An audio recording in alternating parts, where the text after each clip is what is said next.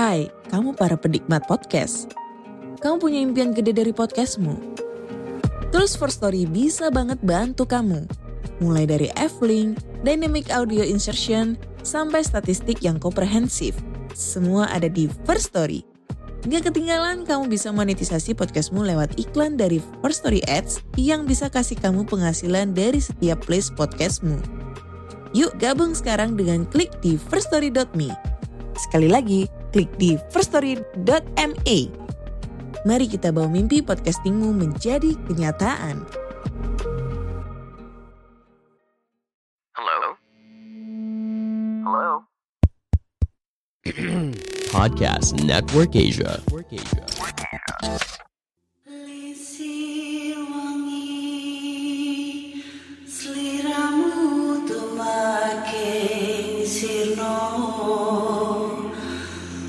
Jepangi kan mukulin Awas jok matoro Aku lagi bang Wingo wingo Jin setengkang tak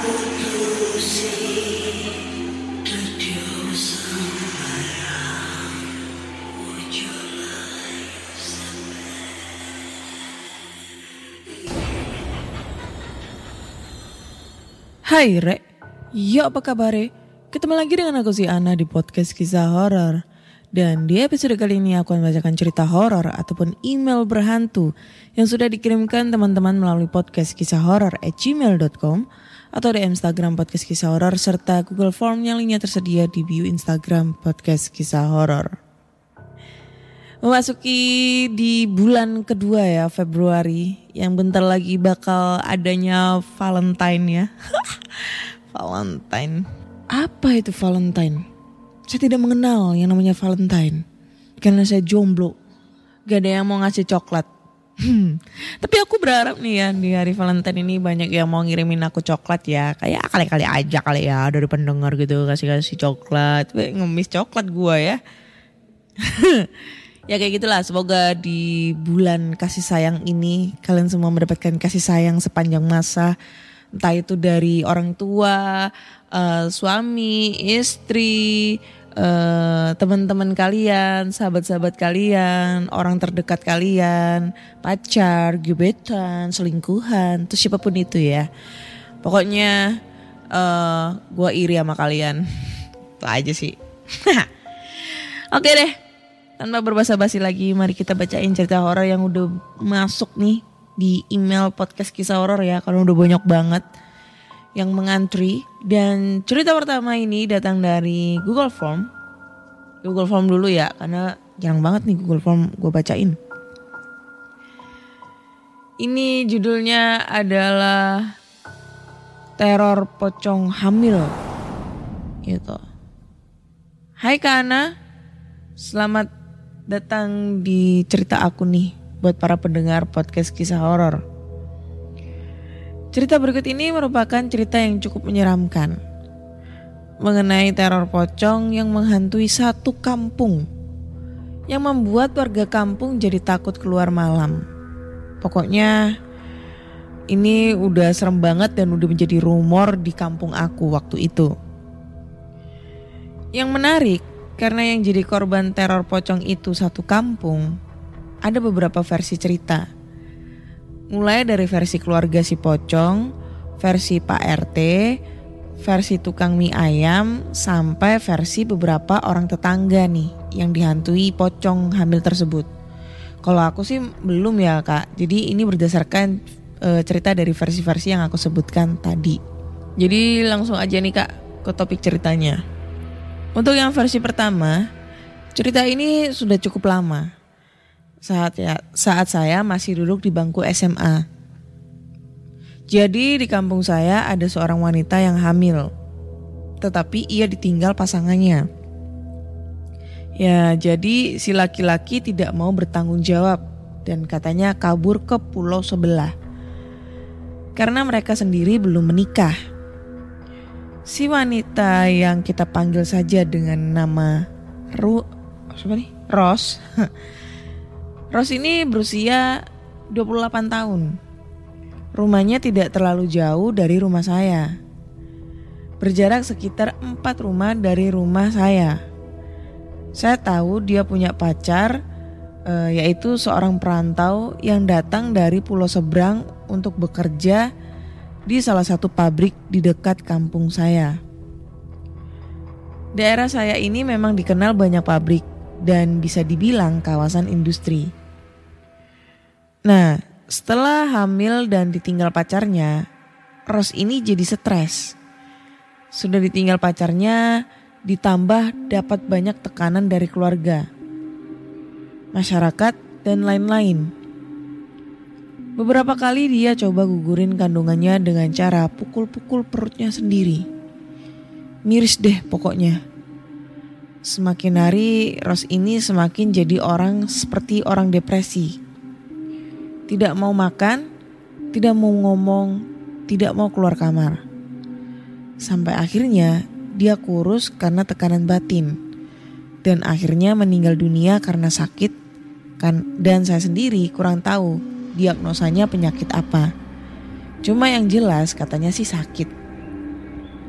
Bayangkan saja ya, orang hamil tertekan secara mental dan emosional karena tidak ditemukan kehidupan di janinnya, akhirnya Ros langsung dikubur. Saat meninggal perutnya tidak terlalu besar. Mungkin masih sekitar 3 sampai 4 bulan usia kandungannya. Semua prosesi pemakaman berlangsung dengan lancar seperti pemakaman pada umumnya. Namun setelah pemakaman inilah banyak hal-hal aneh terjadi mulai beredar kabar kalau Ros gentayangan meneror warga. Setiap malam katanya Ros ini sering berkeliaran, keliling dari rumah ke rumah untuk mengganggu warga dan bahkan keluarganya sendiri. Warga jadi takut keluar malam. Suasana kampung pun mendadak jadi sepi. Tidak ada yang berani keluar di jam 9 malam. Dan salah satunya saya sendiri pernah bertemu dengan hantu Ros ini.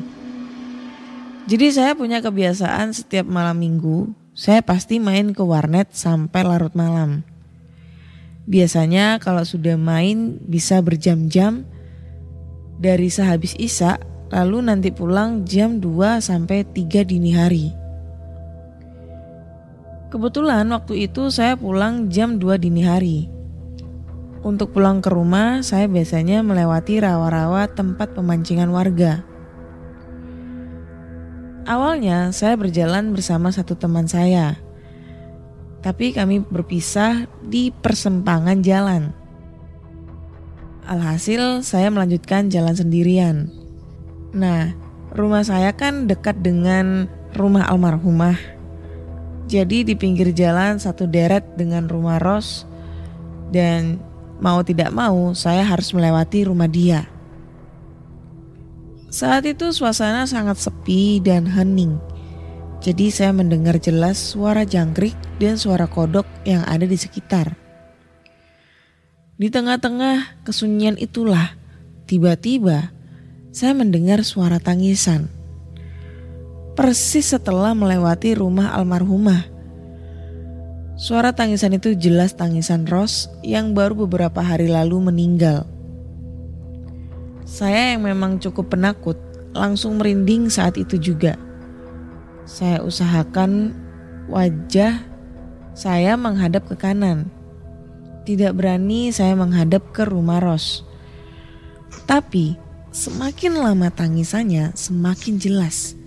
Semakin lirih dan terseduh-seduh. Dengan wajah sudah pucat dan badan gemetar, saya mempercepat langkah kaki saya. Sampai akhirnya, saya pun berhasil sampai di depan rumah. Anehnya meski sudah agak jauh dari rumahnya, suara tangisan itu tetap jelas. Normalnya kalau semakin jauh dari sumber suara kan semakin tidak terdengar. Nah ini tidak suara tangisannya tuh masih terdengar dengan volume yang sama. Dan di sinilah saya membuat keputusan yang cukup saya sesali. Sebelum buka gerbang rumah, saya iseng menoleh ke rumah almarhumah. Di rumahnya Ros itu kan ada semacam pagar yang terbuat dari beton. Nah, dari pagar itu saya melihat sebuah kuncup ikatan yang ada di bagian ujung kepala pocong. Paham kan?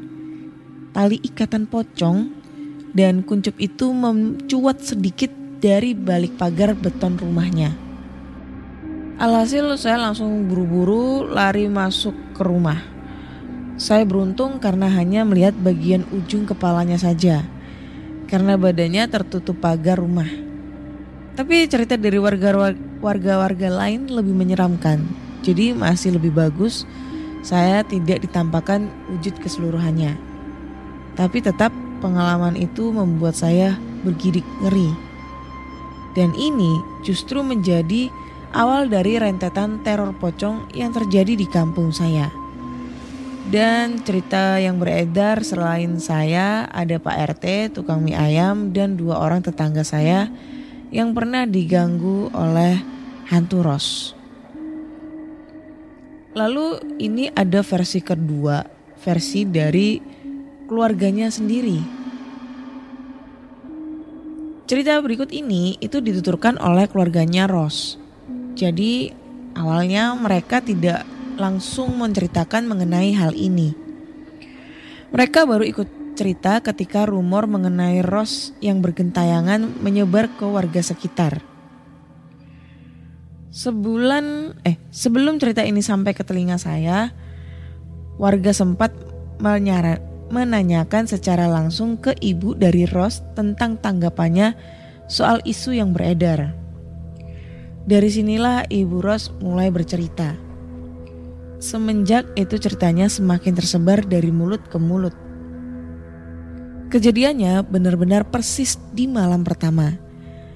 Jadi Ros dimakamkan siang hari. Malam harinya mereka sudah diganggu. Di hari pemakaman itu ada beberapa sanak saudara dari jauh yang menginap di rumah Ros. Mereka ada sedang tidur di sofa dan sebagian menggelar karpet dan tidur di lantai bersama-sama. Saat itu pukul 11 malam. Sepupu Ros yang bernama Ana, lah saya dong, terbangun nih. Kenapa Ana terbangun? Karena ia mendengar suara tangisan. Awalnya ia kira ibu Ros yang menangis karena baru saja ditinggal oleh anaknya. Mungkin dia masih sedih jadi Ana pun membangunkan ayahnya. Setelah sang ayah bangun dan diberitahu bahwa ibu Ros sedang menangis, sang ayah malah heran dan berkata, "Ini yakin bibi yang nangis? Kok dari luar?" Di situ barulah Ana sadar kenapa suara tangisannya dari luar. Padahal ibu Ros kan ada di dalam kamar. Terlebih lagi, Ana baru sadar suara tangisan itu berbeda. Tangisannya terdengar berbeda dari suara Ibu Ros. Pak, siapa ya? Tanya Ana. Sang ayah hanya menggelengkan kepala, kemudian ayahnya bangkit dan berjalan ke kamar Ibu Ros. Ternyata Ibu Ros belum tidur saat itu. Langsung saja ia bercerita bahwa ada yang menangis di depan pintu. Ibu Ros keluar kamar untuk memastikan dan benar saja, ia pun ikut mendengar tangisan yang lirih itu. Dan Ibu Ros langsung mengenali tangisan siapa itu. Ya, tangisan anaknya sendiri. Dengan mata berkaca-kaca, Ibu Ros langsung berkata, Nak, kenapa nak? Ana dan ayahnya saling pandang dan heran. Sampai akhirnya Terdengar jawaban dari pin arah pintu. Ini Rosma, bukain pintu. Di luar dingin. Suara itu benar-benar suara Ros anaknya. Begitu pelan dan sedih. Ana dan sang ayah pun langsung merinding dan ketakutan. Tetapi tidak dengan sang ibu, justru malah mendekat ke pintu sambil membawa kunci rumah. Jangan Bi, kata Ana ketakutan. Saking takutnya, Ana sampai hampir menangis dan terus bersembunyi di balik tubuh ayahnya. Sementara saudaranya yang lain masih tertidur pulas. Ibu Ros nekat membuka pintu. Ketika pintu dibuka, tidak ada siapa-siapa di depan. Akan tetapi tiba-tiba angin berembus masuk ke dalam. Dan seketika tercium aroma kembang kuburan di seluruh ruangan. Oh, wangi ya kamu nak. Ucap Ibu Ros sambil menitikkan air mata. Dari dalam kamar, Ayah Ros langsung keluar dan langsung mendekati istrinya. Tanpa basa-basi, ia menutup dan mengunci pintu. Wajahnya terlihat datar dan sedikit kesal. Dengan cepat, ia merangkul sang istri lalu membawanya kembali ke kamar. Udah, udah, Ros sudah nggak ada, kata Ayah Ros dengan nada tinggi. Sementara Ibu Ros masih menangis sedih. Mereka berdua berjalan masuk ke kamar. Sementara Ana dan ayahnya masih shock di ruang depan. Mereka berdua tidak berani tidur di tempat itu lagi. Bahkan Ana langsung meminta pulang keesokan paginya setelah ditenangkan oleh sang ayah akhirnya Ana pun tidur malam itu. Lalu versi berikutnya ini versi dari tukang mie ayam. Jadi cerita ini merupakan cerita dari salah satu tukang mie ayam langganan saya kalau sedang main ke warnet. Biasanya dia suka lewat warnet sekitar jam 11 malam. Biasanya anak-anak warnet suka beli tuh, termasuk saya untuk mengisi perut di tengah malam.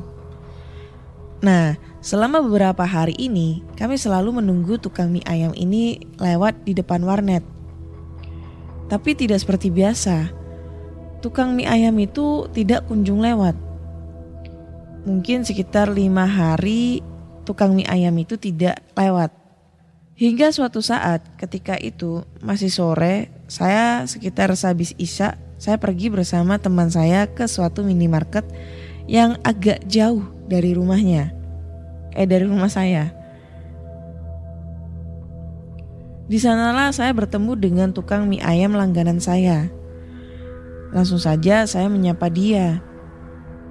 Mas, ke mana saja?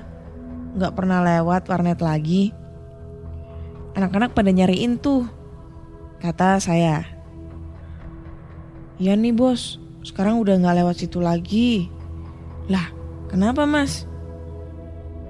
Iya waduh, gak mau cerita saya deh.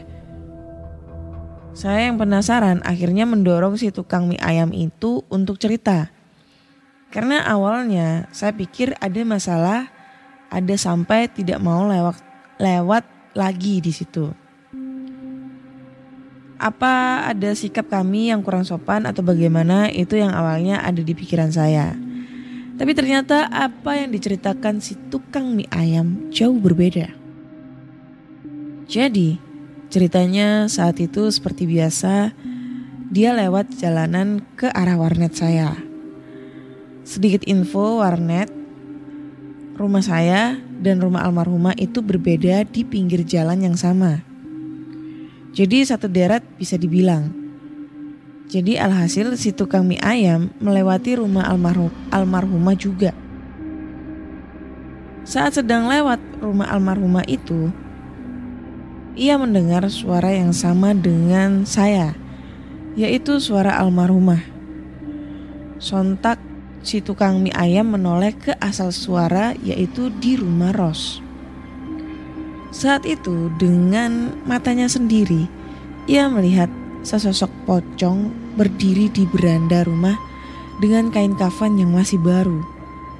Wajahnya persis mirip Ros dengan dua kapas yang masih terpasang di lubang hidungnya dan perut pocong itu buncit layaknya orang hamil.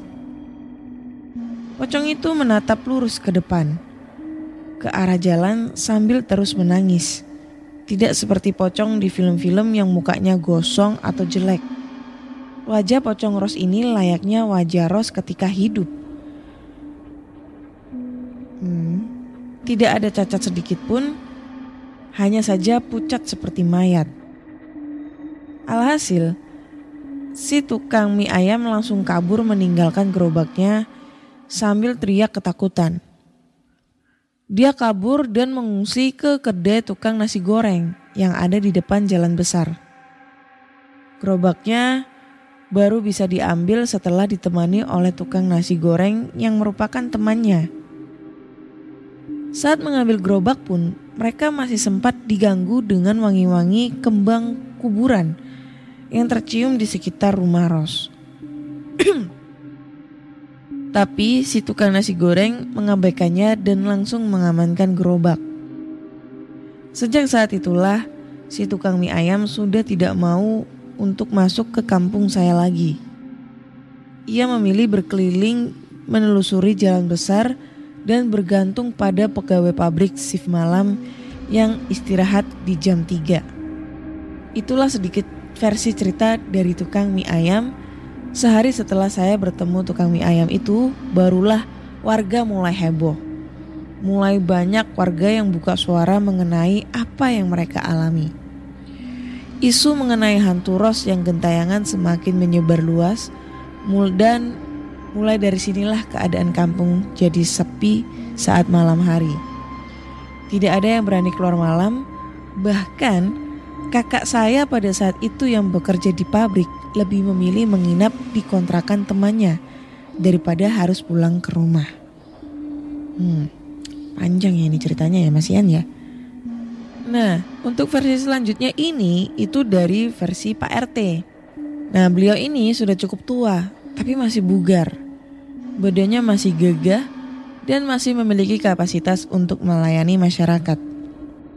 Pak RT ini hampir terlibat dalam semua prosesi pemakaman Ros. Dia merasa e, bertanggung jawab atas apa yang terjadi kepada warganya. Rumahnya tidak satu deret denganku dan Ros. Ia agak sedikit masuk gang tapi masih dekat. Kejadiannya, hampir sama dengan yang terjadi dengan keluarga Ros. Saat itu tengah malam, semua yang ada di rumah sudah tertidur pulas kecuali anak perempuan Pak RT. Sampai akhirnya terdengar suara ketukan pintu. Ketukan pintu itu tidak terlalu keras, tapi terdengar ke telinga anak perempuan Pak RT yang memang posisi kamarnya paling dekat dengan pintu. Kita sebut saja Melati namanya. Jadi Melati pun bangun dari tidurnya lalu berjalan keluar kamar. Ia nyalakan lampu ruang depan dan mulai berjalan menuju pintu. Melati tentunya tidak berani membuka pintu karena sudah tengah malam begini. Tapi ia melihat, membuka gorden dan mengintip dari jendela. Tidak ada siapa-siapa di luar. Padahal ketukan pintu terakhir hanya berselang 1 sampai 2 detik sebelum Melati mengintip. Meski begitu, ia belum berpikiran aneh. Mungkin angin atau ada kucing, ia pun kembali ke kamar. Sesampainya di kamar, ketukan pintu itu terdengar lagi. Karena Melati sudah melihat tidak ada orang di luar, ia pun mengabaikannya karena menganggap itu suara pipa air yang tertiup angin.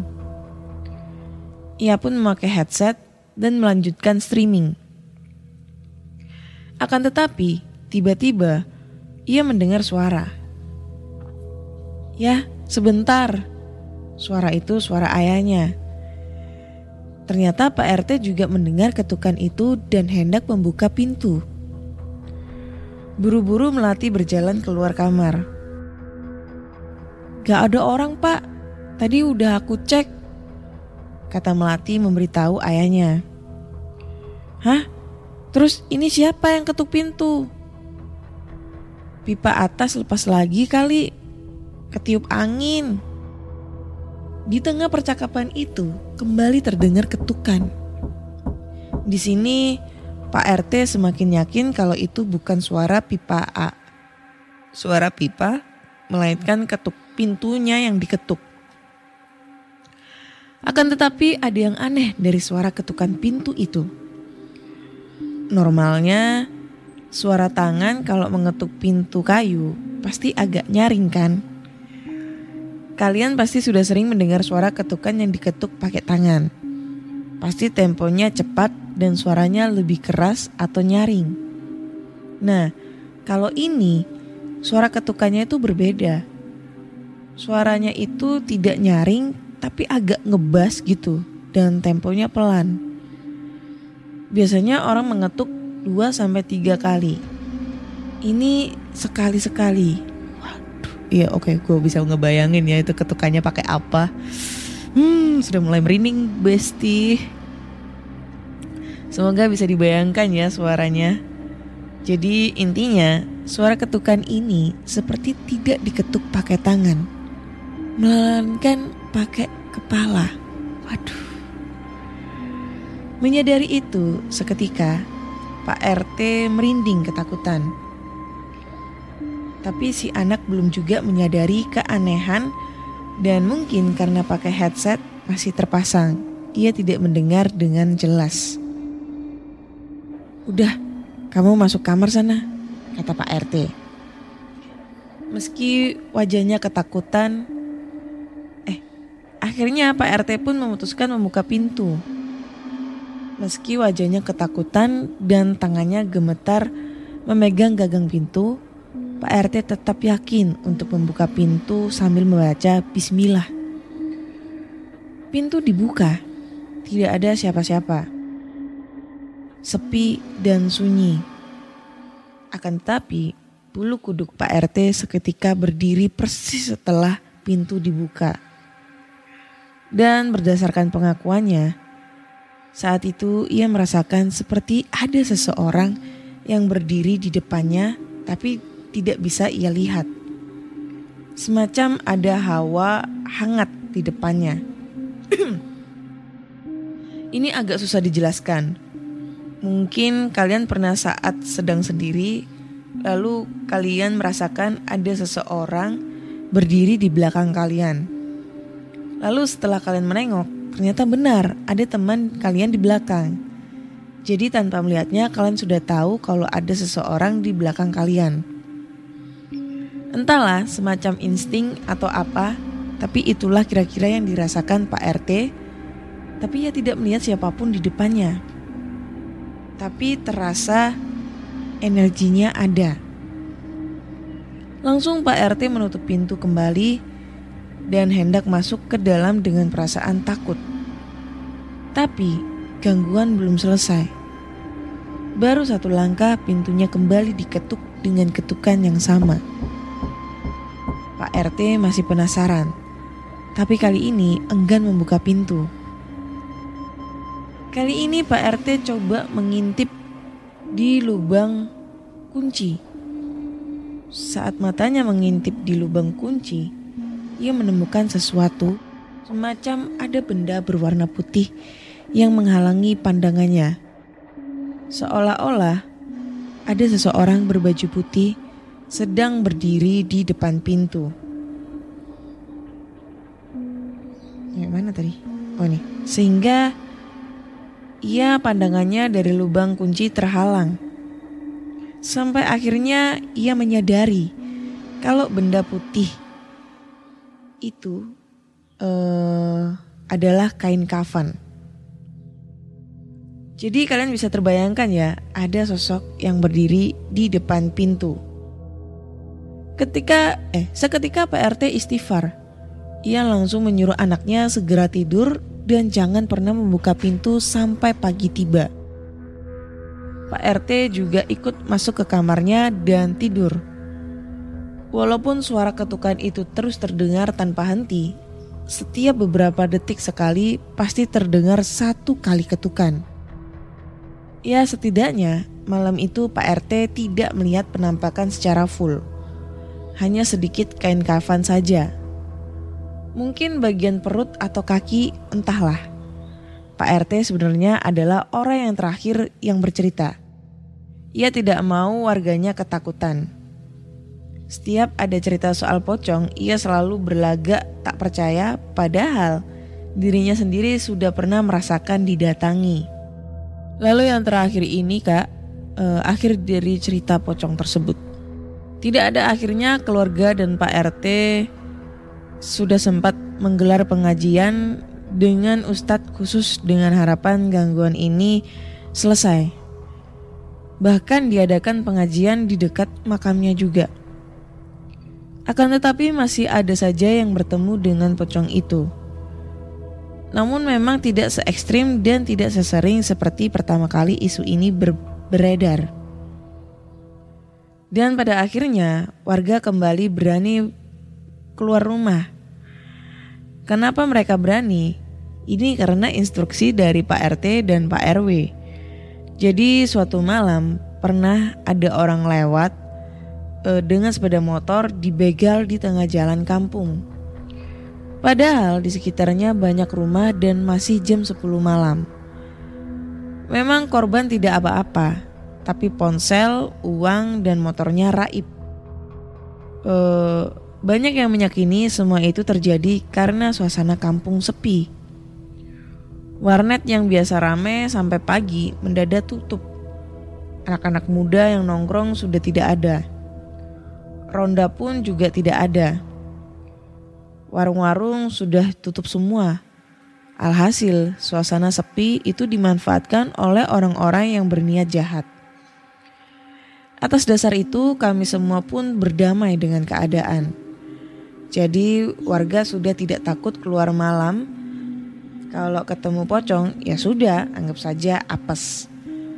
Lagi pula, kalau dipikir-pikir, pocong itu cuma satu. Kita rame. Buat apa? Eh, takut di kampung kita sendiri. Dan pada akhirnya cerita-cerita tentang pocong itu menghilang dan terlupakan dengan sendirinya. Semakin sedikit orang yang mengaku bertemu dengan pocong, sampai akhirnya semua kembali menjadi normal. Intinya kita jangan pernah kalah dengan makhluk-makhluk seperti ini. Kita harus tunjukkan keberanian kita di tempat kita sendiri. Kalau kita bersama-sama melawan, pasti dia akan pergi dengan sendirinya. Oke, Sekian cerita saya kak, semoga bisa jadi manfaat atau hiburan nih. Mohon maaf kalau ada kesalahan kata, uh, tanda baca yang kurang atau mungkin ceritanya terlalu panjang nih untuk Kak Ana dan pendengar podcast kisah horor. Terima kasih sudah dibacakan. Oke, okay.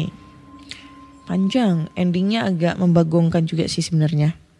Tapi ini menurutku cerita yang agak uh, membuat sedikit aku merinding setelah sekian sekian sekian di episode-episode sebelumnya itu banyak cerita yang aku bacain tidak membuat aku merinding ya, tidak membuat aku ketakutan. Ini lumayan merinding bagiku.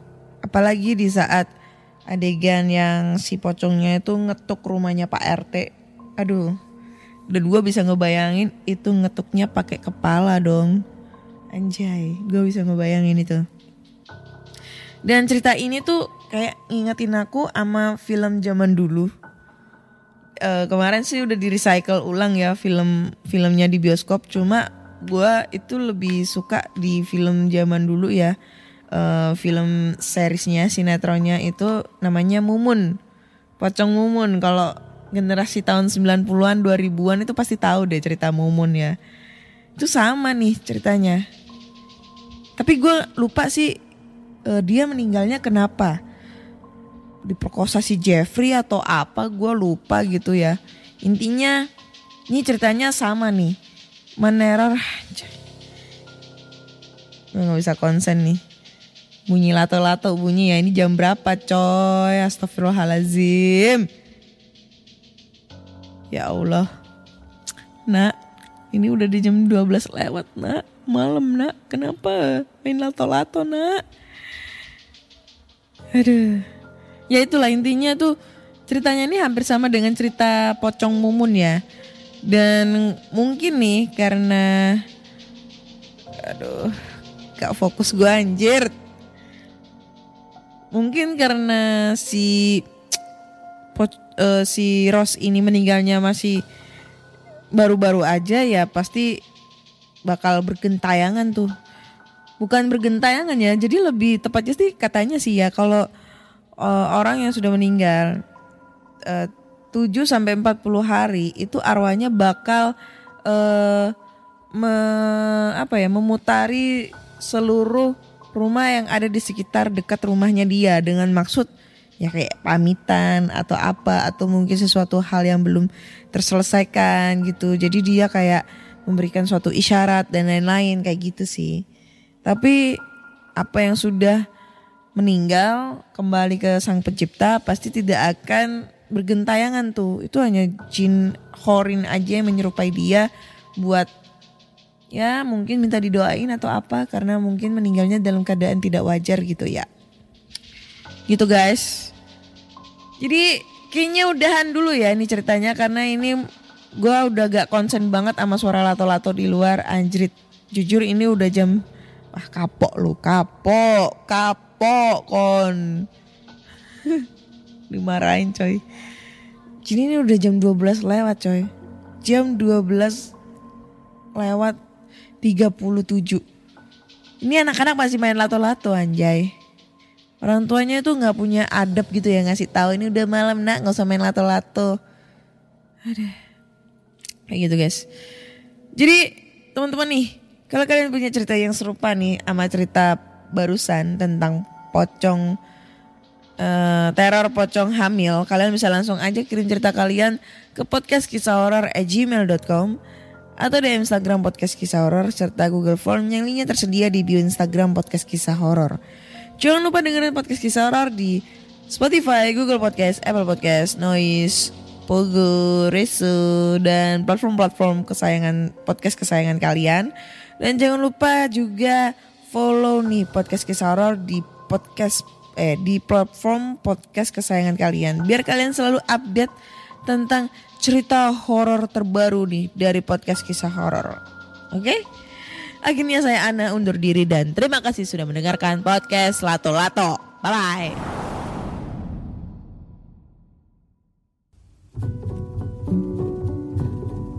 Pandangan dan opini yang disampaikan oleh kreator podcast, host, dan tamu tidak mencerminkan kebijakan resmi dan bagian dari podcast Network Asia. Setiap konten yang disampaikan mereka di dalam podcast adalah opini mereka sendiri dan tidak bermaksud untuk merugikan agama, grup etnik, perkumpulan, organisasi, perusahaan, perorangan, atau siapa pun dan apa pun.